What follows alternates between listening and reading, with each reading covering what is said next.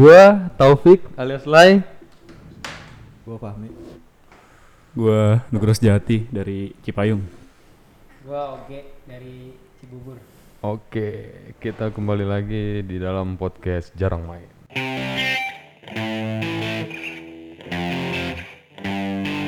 Kali ini kita membawa personel baru, sebenarnya bagian dari Pasudan Ceria juga. Namanya Nugroho Sejati alias Jack. Kenapa dipanggil Jack? Karena dia adalah fans dari Persija Jakarta. Kita bertemu di SMA 48. Jack ini mm, punya rasa nasionalisme yang tinggi.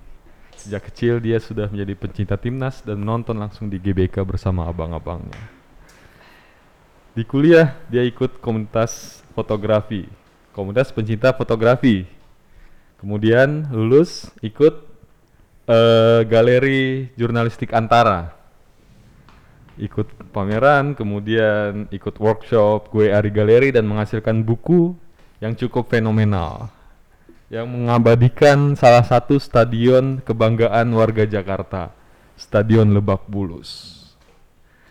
Jack ini juga seorang sastrawan. Dia banyak membaca novel-novel sastra dan membuat puisi. Jack punya dua keutamaan yang gue lihat. Pertama, dia sesuai dengan Ini sampai jargon akhir. Bung Sam- Karno Ini sampai akhir podcast dia Yang nggak usah ngomong ya. Udah jelas saya. berdikari berdikari dia ini orangnya DIY do it yourself Oh, gitu. waktu gua main ke rumahnya dia barang-barangnya bikin sendiri Rumahnya Ada- juga dia yang Dia bangun bikin sendiri. sendiri. luar biasa kreativitasnya tinggi kreativitasnya tinggi Antara kreativitas Iya. sama bayar orang nggak mampu. Loh, udah gitu loh, diem aja kan bapak nggak usah ngomong udah biar kita aja yang ngelakuin gak Gua, usah gua, ngomong. gua kira obrolan santai ternyata kayak moderator bacain Iya, makanya- langsung ya. Dia bilang, kalau gitu udah kagak usah ngomong Berbinar ya. Iya, udah ente gak usah ngomong udah Lanjut lanjut. Kayaknya kan lanjut. perkenalan untuk eh, pendengar-pendengar kita dimanapun berada. Oh iya, belum belum ini. Selamat pagi, selamat siang, selamat sore, selamat malam, dimanapun dan kapanpun anda berada. Oke, langsung saja Bung Jack mengenai kota Jakarta yang kita cintai. Eh, sebenarnya kehidupan gue yang sekarang sih berasal dari apa celetukan-celetukan iseng di masa kecil ya gue percaya itu karena ketika orang bilang eh, omongan adalah doa gue ngerasain sendiri sih walaupun doanya nggak spesifik tapi Tuhan mengantarkan gue sampai ke titik itu contohnya gue bekerja untuk sebuah media nasional ya dan waktu SMA atau kuliah gue tuh pengen banget gitu memberantas korupsi cuy. Luar biasa. Idealis banget Luar anak biasa. sekolah ya. ketika Presiden Megawati bikin institusi apa KPK. pembasmi rasuah atau KPK, gue langsung punya tuh tujuan hidup di kepala. Gue pengen nih kerja di KPK. Akhirnya kesampaian, gue jadi wartawan dan kerjanya di posin di KPK, nungguin koruptor datang kena OTT. Ya itu salah satunya. Terus yang kedua gue juga pernah mikir ketika gue nonton bulu tangkis di TV, eh, karena Pengen jadi atlet gitu. Enggak, enggak pengen jadi atlet karena sadar skillnya pas-pasan kan dan wah gue pengen banget deh jadi tukang pel di Istora bisa nonton sedekat itu. Ya kan ketika Hendrawan ngangkat piala Thomas tuh gue pengen banget ada di pinggir lapangan. Akhirnya gue kesampean di dicarikan jalan sama Tuhan gue jadi wartawan, bukan jadi tukang pel tapi motret di pinggir lapangan. Kan kayak gitu-gitu gitu loh. Memang olahraga sudah senafas dengan kehidupan Nugroho Sejati Ah, itu ya. apa prolog kali ya, prolog soal Oh, kerjaan kalau kerjaan gue sekarang juga sebenarnya ada juga sih kalau ditarik ke belakang gue pernah dipanggil guru BP tuh us. Bu Yarnima kalian kenal kayaknya juga Bu Yarnima kelas 1 tuh lupa kelas 1 gue cabut sama temen gue namanya Baleng kalau Baleng pasti kalian kenal ya Baleng, Baleng. DJ Pamontang dulu ada ditanya kalian mau kerja di mana sih baleng alias pepeng Baleng nanti datang. alias PP itu Alias Alan Baleng Weldy, gitu, sih. Weldy. kalau dia denger gue titip salam kali ya Baleng di Jakarta Timur, Jakarta Selatan, Be- Bekasi, Pepe. Ya, iya iya nggak sih? Kasih pepeng. Iya, iya, iya, iya. Iya, tapi na- nasi goreng maknya enak lah. Terus guru BP nanya tuh, Mau jadi apa? mau jadi apa sih kalian? Lah, kelas 1 SMA kan belum kepikiran, maksudnya masih main-main hahi ya. Iya. ketika Hafizan ditanya saya mau jadi pengusaha bu oke pengusaha keren ya dalam hati gue terus si Baleng ditanya mau jadi pemain band bu wih keren gue Ah. gue bingung kan gue belum punya cita-cita tuh saat itu tapi saat kelas 1 gue lagi ngefans ngefansnya sama Persija tuh gue pengen jadi gubernur lah tapi malu mau jawab jadi gubernur Ketinggian ya. ketinggian maksudnya dalam kondisi gue saat itu yang malas belajar kan nggak pantas aja cita-cita jadi gubernur ya akhirnya gue cuman jawab saya pengen kerja di Pemda bu Jadi wakil gubernur. gubernur ketinggian kan. Iya, saya- Wakilnya aja, terus Pak. Bu Yarima sampai di rumah Pemda PNS enggak bu saya pengen kerja di Pemda aja akhirnya Oh. untuk saat ini gue beneran kerja di Pemda kantor gue beneran di balai Jadi kota doa ya. Sepengalaman sama Jack, kalau omongan bisa jadi doa, jadi waktu itu gua sempat nyeletuk. Waktu itu gua mau jalan-jalan ke Bali sama bini gua. Pas di bandara, gua nyeletukin ntar kantor aku nih yang gua bilang gitu. Alhamdulillah sekarang gua kerja di ya di bandara gitu. Memang ucapan bahwa ungkapan bahwa ucapan itu omongan itu doa benar-benar kuat karena gini setan iblis Ah. dulu waktu nggak mau nyembah Adam dia bilang ke Tuhan bikin umurku panjang untuk menggoda manusia sama Tuhan dikabulkan nah setan aja yang dikutuk itu dikabulkan apalagi kita Yang nyembah Tuhan gitu kan. iya Masuk akal sih. itu padahal doanya doa jelek gitu loh makanya emang ucapan itu serius banget tuh nama ucapan Atau kalau kata Ustadz mungkin pada saat itu ada malaikat yang mengaminkan ya nggak sih? Oh, berarti tadi lu gue baru aja ngomong lu jadi wakil gubernur jadi. amin Iya, Eh, bisa jadi sih Jadi- Iya. mudah-mudahan jadi- ya. Nggak ada yang tapi tahu apapun dong. yang terbaik buat bangsa ini ya gue siap sih kalau malah kata Dimanapun. Depok lagi kampanye dimanapun dile- ditaro itu pasti untuk bangsa ya Iya, intinya yang tadi gua sama Daule sempat ngobrol duluan ya ketika Fahmi sama Iris belum datang ngomongin tukang parkir tuh. Ada tukang parkir yang nggak profesional dan profesional dan Hmm. intinya apapun pekerjaan lu bekerjalah secara profesional dan totalitas. oh gue pernah denger tuh ungkapan Jad- wa- kalau kamu jadi tukang sapu jadilah tukang sapu seperti Picasso Picasso itu pelukis terkenal di Itali jadi apapun pekerjaan lo lo lakukan dengan serius lo akan jadi hebat gitu gimana Tingkat kehebatan tukang parkir tuh. Iya, Ada ada. Tadi tadi ini baru kan gua ngomongin ya lah ya. Iya, coba coba coba. Ada dua coba. pengalaman nih, pengalaman gua, Ada, gua ada yang kayak ninja ya. iya enggak itu yang nggak bagus tuh. Yang nggak profesional ya. Yang gua temuin gua pernah parkir di Indomaret daerah Indomerit, Indomerit. In- iya Indomaret, Indo Ada April. Indomaret jelas yang warna biru. Indomaret ya nggak rugi dia. Lawannya Alfamart dah. Nah, di, di daerah Duren Sawit tuh Jalan Dermaga. Nah, Semoga tukang parkir itu denger ya. Saya Amin. muji-muji dia soalnya. Gue parkir masuk menghadap Indomaretnya. Tapi ketika gua keluar motor gua tuh udah diputer jadi siap jalan ke jalan raya gitu. Kan jarang banget tukang parkir gitu ya. siap Akhirnya wah keren nih tukang parkir gue beliin aja minuman di kulkas yang harganya nggak lebih dari sepuluh ribu dia udah seneng banget kan makasih bang makasih bang ya itu salah satu yang profesional tadi Dole juga cerita Nah, tuh gua pengalamannya di ini. yang nggak profesional. Kopi enggak profesional sekali. Nah. Itu tukang parkir terbaik yang pernah gua temui. Itu di Coffee Bar Depok Margonda. Jadi gue nyampe nih. Gue menyebutnya dia sebagai parkir motor vale valenya motor. Jadi vale itu kan cuma mobil sama ini. Nah dia valenya motor. Gue nyampe, gue taruh nih pinggir jalan, set diparkirin sama dia, parkirin. Begitu gue keluar juga gitu, gue tinggal nunggu di pinggir jalan, dikeluarin makanya gua lebihin lah kayak gitu-gitu keren keren Iya. nggak gabut nggak cuma priwit Iya, tapi ngerapihin motor ya supaya lurus gitu kan kondisinya.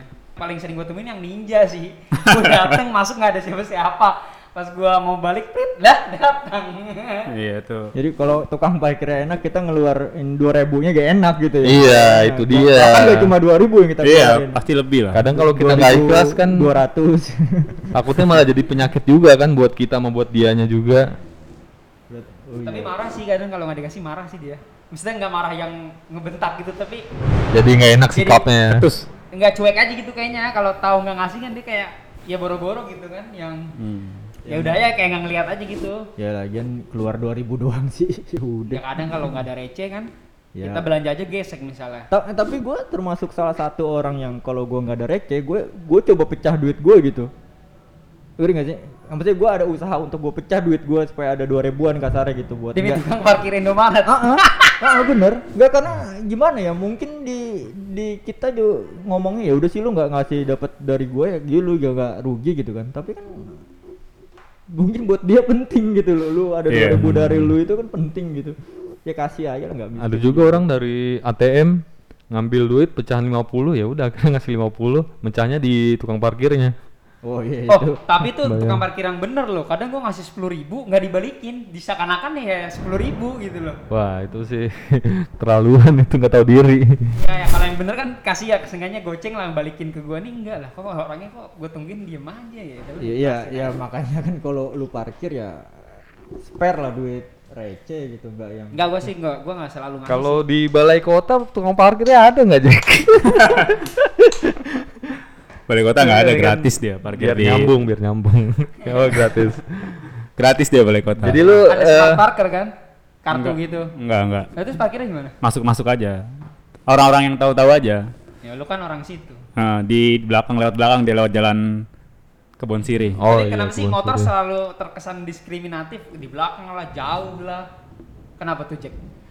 Iya sih, di balik kota juga gitu sih, parkir di basement 3 nggak ada lift. Coba bayangin, Iya. capek banget naik tangga kan. Kenapa gitu ya? Maksudnya kenapa didiskriminasi? Nggak tahu. Padahal mayoritas pengguna Jakarta kendaraan menurut gua motor loh mayoritas. Hmm. Kenapa? Bukan harusnya yang banyak dong yang dispesialkan gitu. Seenggaknya ya Iya, iya sih. layak lah gitu. ya kembali lagi masalah kelas kayak gitu-gitulah. Nah, yang ngomong-ngomong diskriminasi terhadap motor yang paling jelas ya gubernur sebelumnya tuh, yang Hmm. nggak usah sebut nama ya, ketika melarang sepeda motor melewati Iya, Sudirman iya, Tamrin. iya, iya, Padahal iya. kalau secara logika ya motor tuh nggak bikin macet kan maksudnya.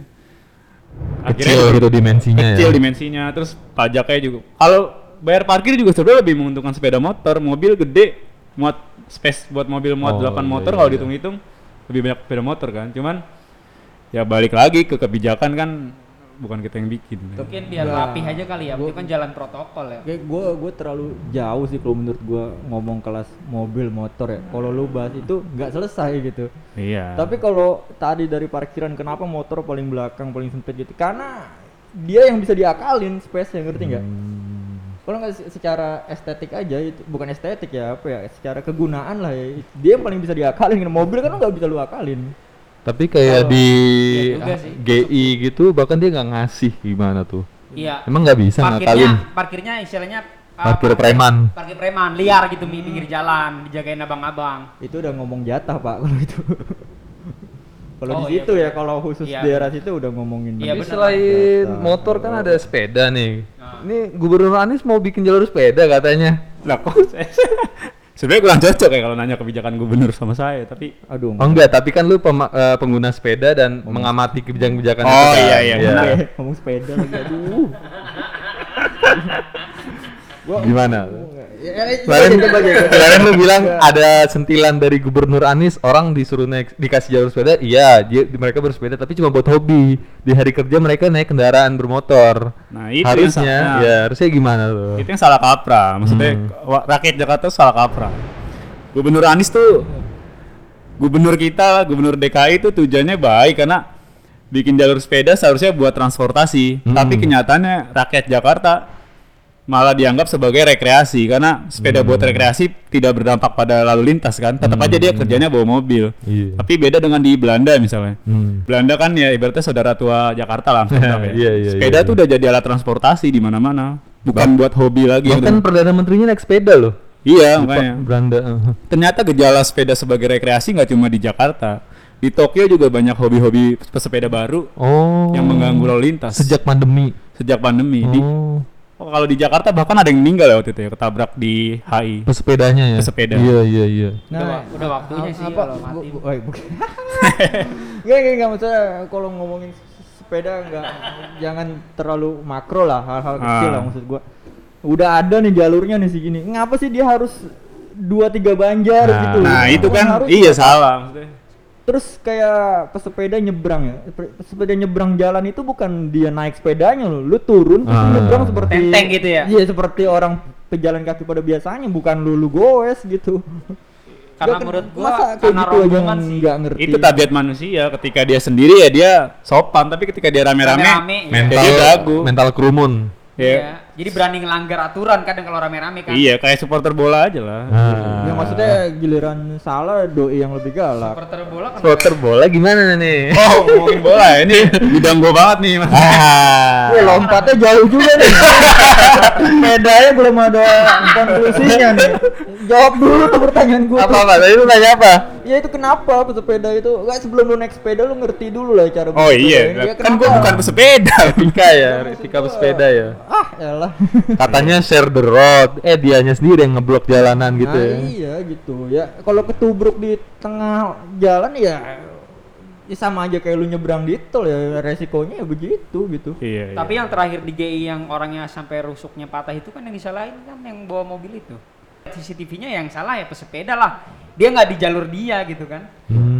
balik lagi ke hukum masyarakat jalan kaki tabrak motor walaupun jalan kaki nyebrang sembarangan motor yang salah Motor salah. motor ditabrak mobil walaupun motor yang nyebrang Salah. sembarangan mobil yang Mobil salah. salah. gitu kan intinya Jadi Hmm. emang itu aturan tertulisnya seperti itu lalu lintas. Bukan. enggak kan hukum Oh. jalanan gue bilang jalanan Seperti hukum rimba. hukum berkerumun tadi yang makin banyak jadi belagu gitu kan Ya udah nggak usah naik sepeda kalau gitu. ya tapi sepeda ya enak sih Iya. buat sehat Indomaret ya. jadi nggak bayar parkir kadang-kadang Oh iya. Oh iya. bener. balik ke tukang parkir lagi ya.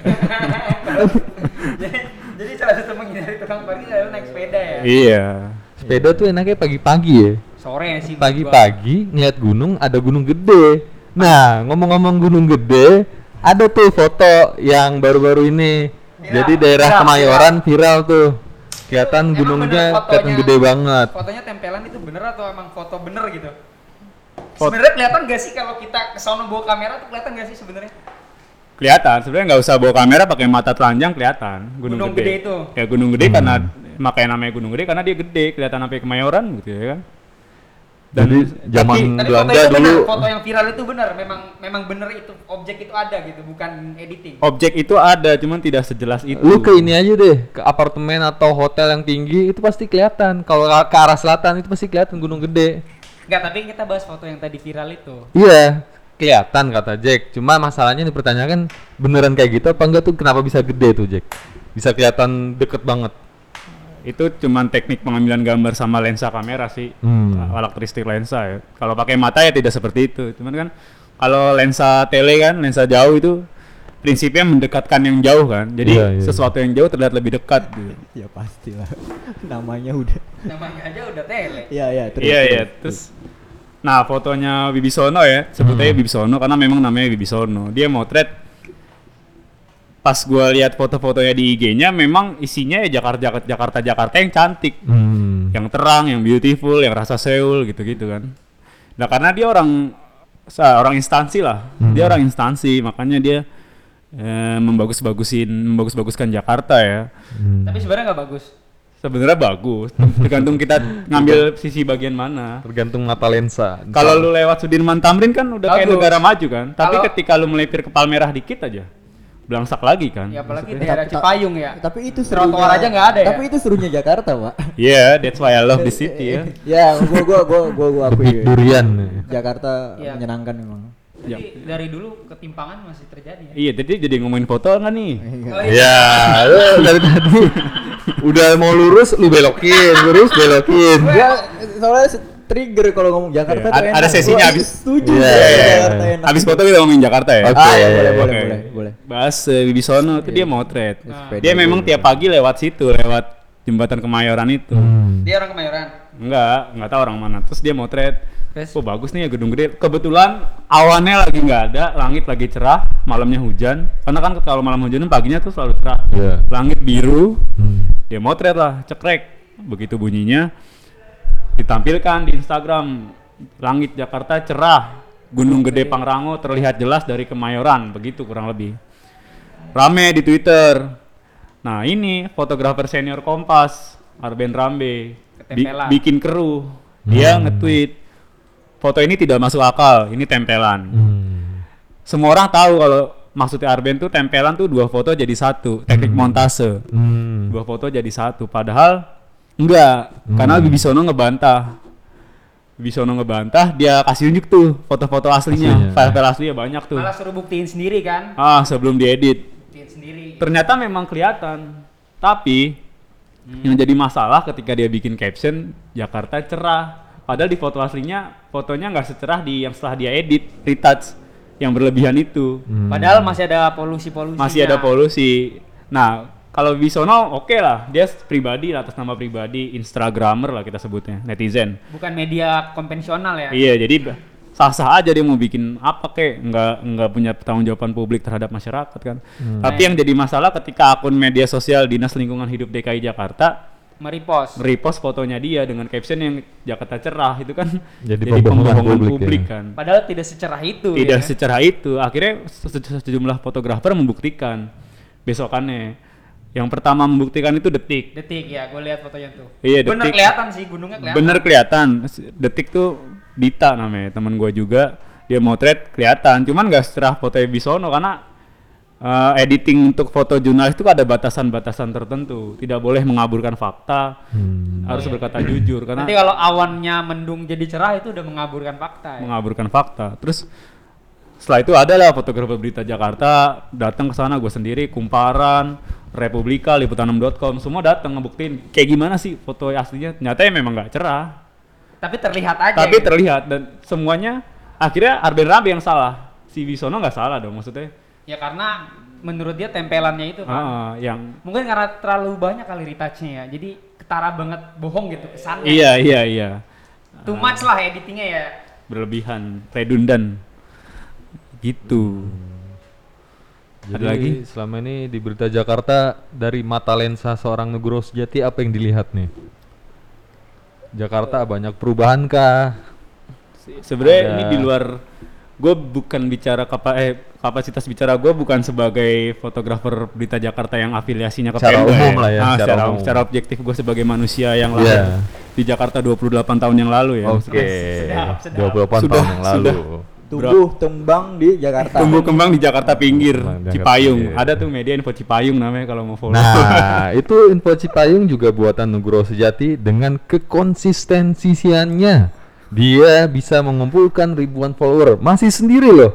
Belum ada bantuan dari lain-lain. Coba warga Cipayung bisa di-follow info Cipayung. Di sana banyak info-info. Tapi Oke. gua pantau belum ada Radio RRI ya jangan. Ah. belum ada info soal coffee shop di Cipayung sih dan sekitarnya Jack ya. Sebenarnya bisa Iya. loh nanti. Oh, ini udah masuknya Ciracas. Ciracas. Tapi kalau- kan ada harus kalau bikin baca di profilnya Ciracas. sekitarnya, Cipayung dan sekitarnya. Oke, ada ada deal-dealan di bawah meja kalau itu. Ah, bisa dibicarakan masalah itu. Langsung aja Jak- balik ke Jakarta Iya. lagi. Tadi Fahmi kayaknya berapi-api bu- bahas Jakarta lagi kan. Eh, sudah berapa kali gubernur berganti, wali kota berganti, saya merasakan tuh perbedaan Jakarta. Semua gubernur baik, semua pemimpin baik, semua kebijakan baik. Karena nggak mungkin kan orang jahat jadi gubernur lah, jadi pejabat. Cuman eh, Kecuali di film-film kungfu zaman dulu. Iya. Jahat Ya, tuh. kan dipilih secara pemilu. Nah, Cuman kebijakan iya. itu kan ada yang menyentuh masyarakat langsung, sama yang masyarakat tidak merasakan langsung. Nah, Nggak yang gue tahu. bahas ya. di sini karena gue sebagai masyarakat ya gue bahas yang menyentuh gue langsung gitu. Ya. Iya.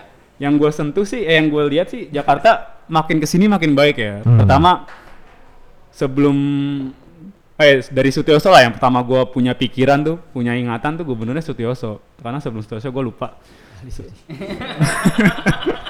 Iya iya lanjut lanjut. Sutioso atau Bang Yos dia punya gagasan. Dari tahun 97 ya, Heeh. Bang Yos. Terus gue tahu Sutioso juga karena gue suka Persija kan terus Sutioso peduli banget sama Persija kan sama Piala, Piala Mas Bang Yos terus dia punya gagasan bagus banget tuh Transjakarta namanya dia nyontoh dari Bolivia Kolombia Kolombia di Bogota dia bawa tuh konsepnya Transjakarta bagus lah terus dia bikin juga bis sekolah buat anak-anak sekolah yang nggak punya motor eh yang nggak kan nggak boleh buka Iya. harapan.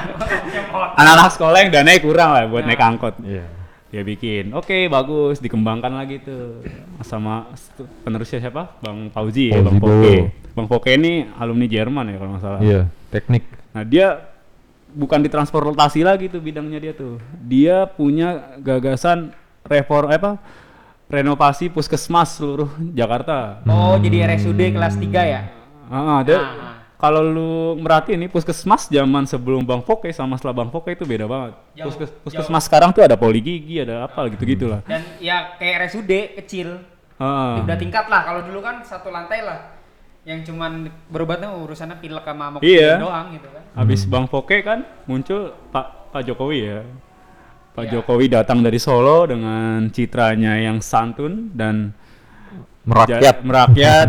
Eh, Dia belusukan kemana-mana. Masuk ke got. belusukan. Iya, Dan itu men- dalam eh, secara nggak langsung manfaat positifnya juga ada. Maksudnya pejabat-pejabat lain jadi nggak malu gitu Hmm. bahwa untuk Turun langsung ke lapangan. turun langsung ke lapangan walaupun itu aja simbolis tapi Iya benar. ya mau nggak mau Menggerakkan yang di bawahnya. iya kita akuin ya positif Memberi juga teladan kan. ya, memberi contoh. Jokowi naik jadi presiden, Pak Basuki naik jadi gubernur sebagai wakilnya tadi jadi na- jadi gubernur. Dia dengan ketegasannya, nah itu bagus juga maksudnya. In- ah, Trotoar. Basuki Moonshine, Cahaya dia Purnama. bisa beresin banyak hal lah yang sebelumnya Administratif nggak. terutama ya Ah, administratif ya Iya. Karena- Karena mall pelayanan publik zaman Ahok. iya. Hmm. Nah itu kan masyarakat ribut-ribut tuh ber- jagoan siapa yang paling baik kan. Tapi tetapnya semua punya kebaikan. Langsung balik ke Pak Anies nih yang paling baru nih. Iya. Pak Anies yang paling gua rasakan sih. Maksudnya sebagai sebagai gua suka jalan kaki ya. Hmm. Trotoar di zaman Pak Anies bener-bener di totalitas perubahannya bener-bener sesuai Hmm. kaidah nggak nggak formalitas kayak dulu gitu. Tapi yang jualan masih ada di trotoar. Nah, masih ada Sebenarnya orang. trotoar konsepnya memang gitu. Maksudnya pedagang kaki lima ada, spot jalan kaki ada. Jadi jalanan untuk semua.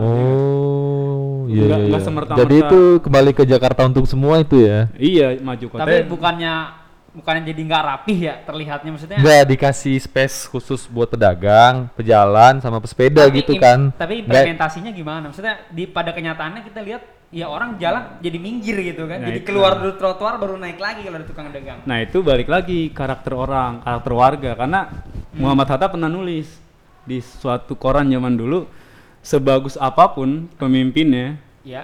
tapi kalau rakyatnya nggak punya keinsafan atau kesadaran, ya itu akan berjalan sia-sia. Hmm, kembali ke jadi intinya rakyatnya. eh, Anies punya program nih Jakarta sebagai kota kolaborasi. Jadi untuk memajukan kota ini bukan cuma tugas gubernur atau pemangku kebijakan, Hmm. tapi Masyarakat. kolaborasi setiap warga, swasta, pemerintah, warga apapun itu. Jadi ya ayo kita bangun Jakarta sama-sama gitu maksudnya. Makanya dia udah menyerap ide-ide dari masyarakat kan kayak beberapa ide di daerah Sudirman pun ada yang dari masyarakat juga kan. Heeh. Dan dan sampai saat ini sih Jakarta menuju ke arah yang lebih baik ya. Maksudnya gue berani bilang Jakarta sebagai kota paling menyenangkan eh kota dengan masa depan paling menyenangkan di Indonesia karena ada banyak rencana-rencana yang bakal memudahkan kita gitu. Ya kebangetan sih kalau nggak gitu Jack pendapatan kota paling gede Hmm. ya kan dari pajak pajak daerah paling gede se Indonesia. Karena setiap Ya, apa ya ini kan tanpa menghilangkan rasa hormat terhadap wilayah lain lah ya. Iya, Maksudnya iya. Ini kan karena pengalaman lu tumbuh di Jakarta ya lu merasa Jakarta paling ini. iya Ya, ya, ya, ya, it's okay lah maksudnya enggak ini. Maksudnya pesat lah maksudnya. Oh, dari segala penjuru mata angin udah terkoneksi tuh di masa depan tuh. Rencana-rencana yang udah udah di dipelajari studi kelayakannya. Oke transportasi publik gitu. itu. Eh, ke- dan sesuatu sesuatu yang telat dibangun kayak MRT kan sebenarnya telat. Iya. Tapi kan lebih baik telat daripada tidak sama sekali kan. Siap. Eh, dan itu LRT dari eh, MRT pertama dari selatan ke utara. MRT fase 1 dan fase 2. LRT dari timur Enggak, ke MRT. LR MRT. Langsung ada LRT kan. LRT dari timur dulu kan Cibubur awalnya tuh. Ah, anak MRT itu proyek pemerintah daerah. Nah, LRT Jabodebek itu proyeknya pusat. Nah, itu kan udah salah satu bentuk kolaborasi kan maksudnya. Iya paham. LRT dari Bogor ke Duku Atas sama dari Bekasi ke Duku Atas nyambungnya di Cawang. Iya, iya, itunya kan yang s- terminal gedenya kan iya di Cawang kan. Cawang. Nah, nanti Duku Atas tuh bakal jadi kayak KL Sentral. Maksud, nah, kenapa gua kenapa Jakarta tuh meniru KL Sentral ya? Gua udah ngerasain sendiri sih waktu ke KL ya, waktu liputan eh waktu nonton bola bener-bener enak gitu. Transportasi umum di sana bener-bener enak dari bandara lu naik bus damrinya lah. Turun di KL Sentral lu mau kemana aja bisa dari KL Sentral.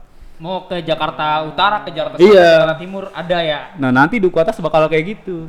Oh, dia kayak Nah, nanti hub dari gitu ja- nggak sih? dari utara ke selatan ada lagi kan yang dari barat lagi. ke timur Ya. gimana tuh? Berarti dia kayak hub ya, penghubung antar titik gitu ya. Iya, jadi di Duku Atas tuh segala jenis moda transportasi nanti terkoneksi. Hmm. integrasi hashtagnya transportasi Jakarta tuh integrasi ada angkot ada Transjakarta ada KRL ada LRT ada MRT Jack ada kereta Linko. bandara Jack Berarti di Linko bawah- Hmm. yang gratis itu. Di bawah Jaklingko. Beda. Jaklingko itu perusahaan sendiri. Jack Linko tuh ini punyanya Orang Jakarta. bukan dinas perhubungan DKI Jakarta. Oh, dinas perhubungan. Itu angkutan kecil lah namanya, feeder sebutannya. Tapi udah gratis itu. Gratis beli kartunya sekali, gratis seumur hidup selama Jack Linko masih ada. Diwaktuin sih ya jam-jam kerja doang kan sebenarnya. Nah, Sopirnya tuh digaji UMR ya. Sebenarnya digaji, jadi nggak ada nggak Oh, ada ngetem gitu. iya. Nggak- nggak setoran nggak Nggak setoran. setoran.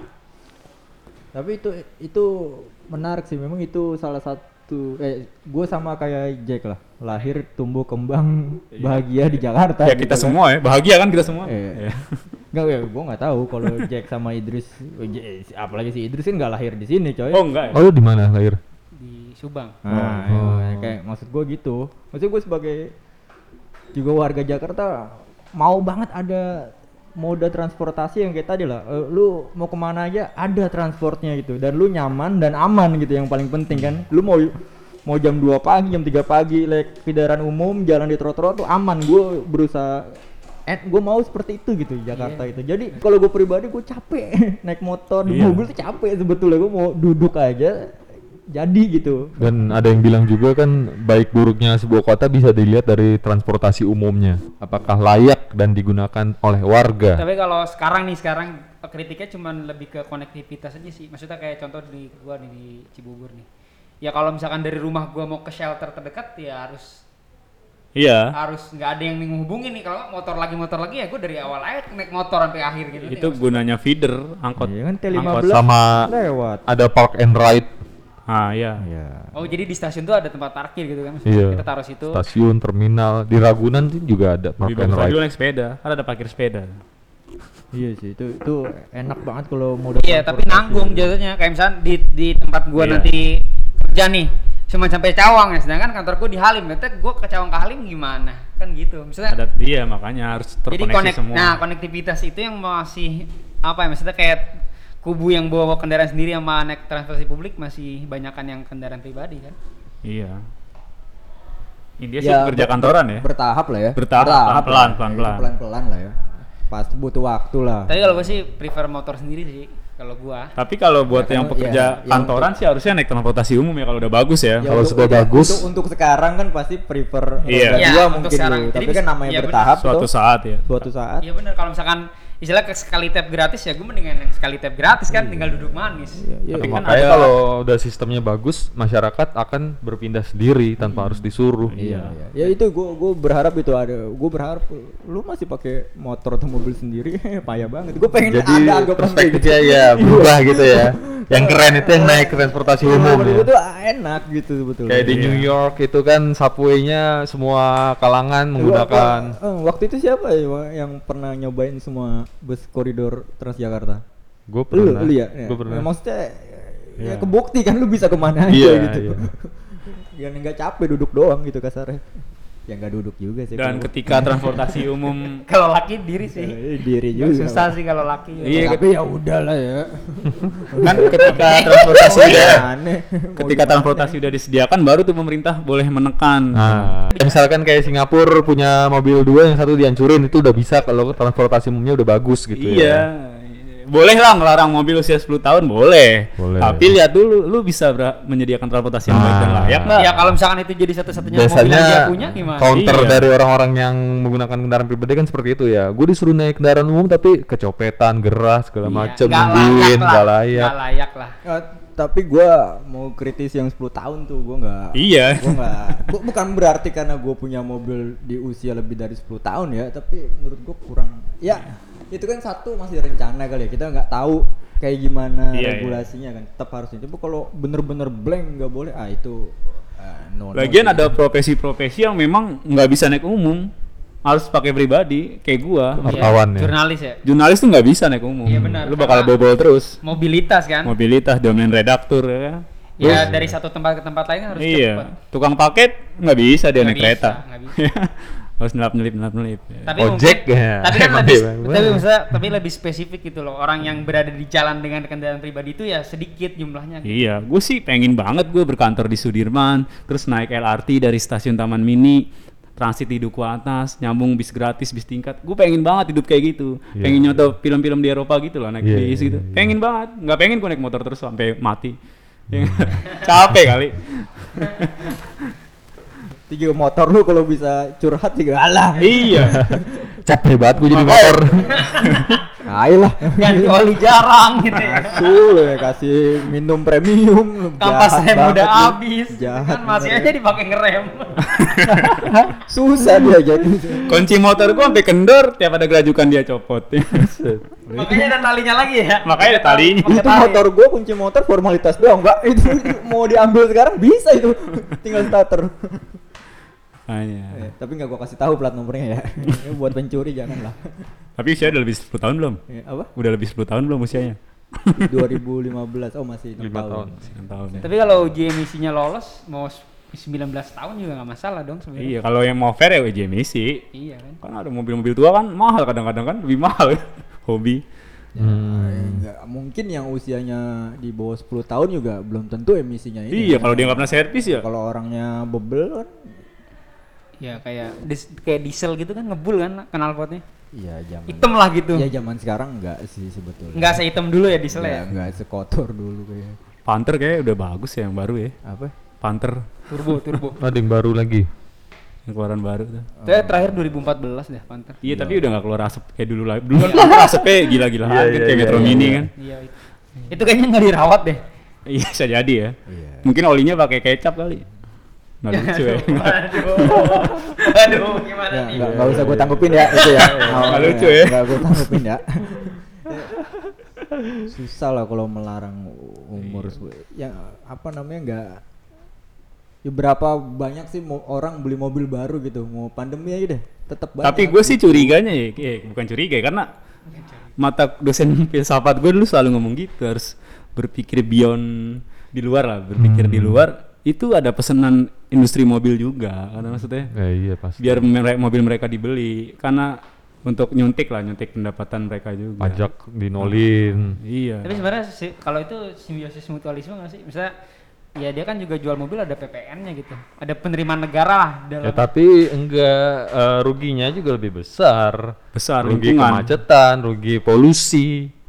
Tapi kan itu udah k- bicara korporasi, udah berat. Maksudnya terlalu banyak inilah campur tangan di atas lah gitu loh. ya lagi Itu nih dia. orang punya mobil usia di atas 10 tahun berapa biji sih yang dipakai daily gitu Iya makanya. apalagi Pak, oh, apalagi di atas 20 tahun ya itu udah pasti nggak keluar tiap hari Ya paling weekend doang ya ya. weekend Hmm. doang gitu Buat kondangan ya maksudnya Kondangan ke rumah sakit gitu Iya. penting mobil pribadi tuh. Enggak, enggak jarang gitu gue. Sekarang lu lihat kalau di jalan pasti pelatnya masih 10 tahun di bawah lah. Nggak mungkin. Ya karena gue juga Rata-rata ya. kalau buat di daily di Jakarta cari pasti mobil yang muda sih, maksudnya yang nyaman lah.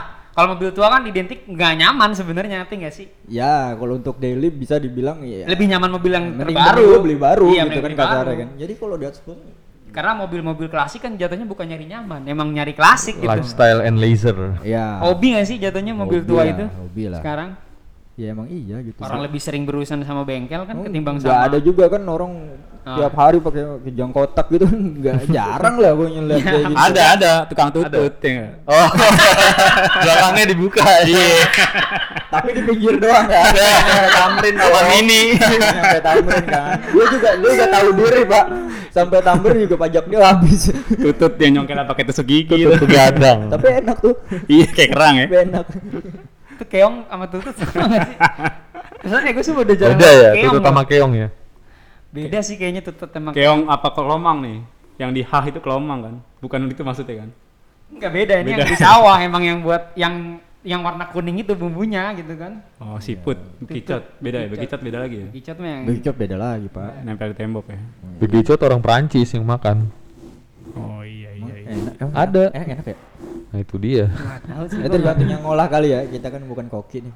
iya duren juga bagi orang Prancis nggak ya Iya, dibilangnya bau bangke. Sampai muntah-muntah kan ada challenge-nya. Oh, Gordon Ramsay juga nggak suka kan waktu ke Iya. Padang, eh waktu ke Sumbar Smells like hell. makan durian itu nggak doyan dia. padahal enak kayaknya ya Iya, emang juga. Kita kan orang timur. Buah raja itu durian tuh. Ya nggak ada pilihan juga kita makan. Waduh, Buah surga. buah surga. tapi pisau mahal loh di Korea ternyata Oh iya. Pisang Raja. Iya, gue kan akhir-akhir ini lagi nonton drakor nih. Yoi. Ada satu scene adeknya tuh anak kecil doyan banget pisang dan harga dari buah mewah di di supermarket. Padahal pisang jelek gitu yang 15.000 ribu setandan kalau di jalan tuh. Di, di Korea di supermarket mahal banget. Terus di Amerika Latin itu ada eh, tur perjalanan gitu, mereka berhenti di satu titik cuma buat ngeliat pohon pisang, buat mereka itu eksotis. Ada Bukannya kita emang kayak di negara-negara kayak Eropa, oh, Eropa lagi, Amerika bawah Amerika itu. Latin, Iya, bukan Amerika kayak Selatan. kita ya, kayak kopi, pisang, kayak Nah, kita lah, mungkin kayak di ada Indonesia beberapa lah. wilayah ya. yang nggak perkebunan ya. ada pohon pisang. Bu. Mungkin Amerika Latin yang lebih selatan kali. Kalau Brazil kan tropis banyak. Oh iya, yang Iya. lebih selatan Oh, iya. lagi, Lu gimana lebih orang, dingin. Gimana orang sana ngeliat piscok ya? Itu orang mewah ya. Ini bukan Di eksot- restoran mahal tuh. bukan udah. eksotis Uh. lah gitu, sensual itu. Chocolate and banana. Mungkin kayak kita ngelihat kiwi ya, orang bagi orang Iya. Selandia baru kiwi mah paling dijual di pinggir jalan, di barang tukang tutut. Di Di kita satu berapa ya? 25 ribu kali ya? sini mahal kan kiwi? Mahal. Buah mewah kan? Buah Iya, mewah iya, ya. gitu. Udah nggak maksudnya nggak nggak nggak banyak juga restoran yang jual kiwi kan. Iya. Iya, nggak- nggak rela juga gue kiwi gue di Mana ada gitu. jus kiwi kan di di jalan-jalan Nggak ada. di Di apa? Pajus di lah. Pajus ya. nggak ada. Apalagi di forestry nggak ada. tuh kiwi. Forestry kan kopi. Oh iya. Jadi ngiklan. Jadi kota Jakarta semakin baik, transportasinya semakin terintegrasi.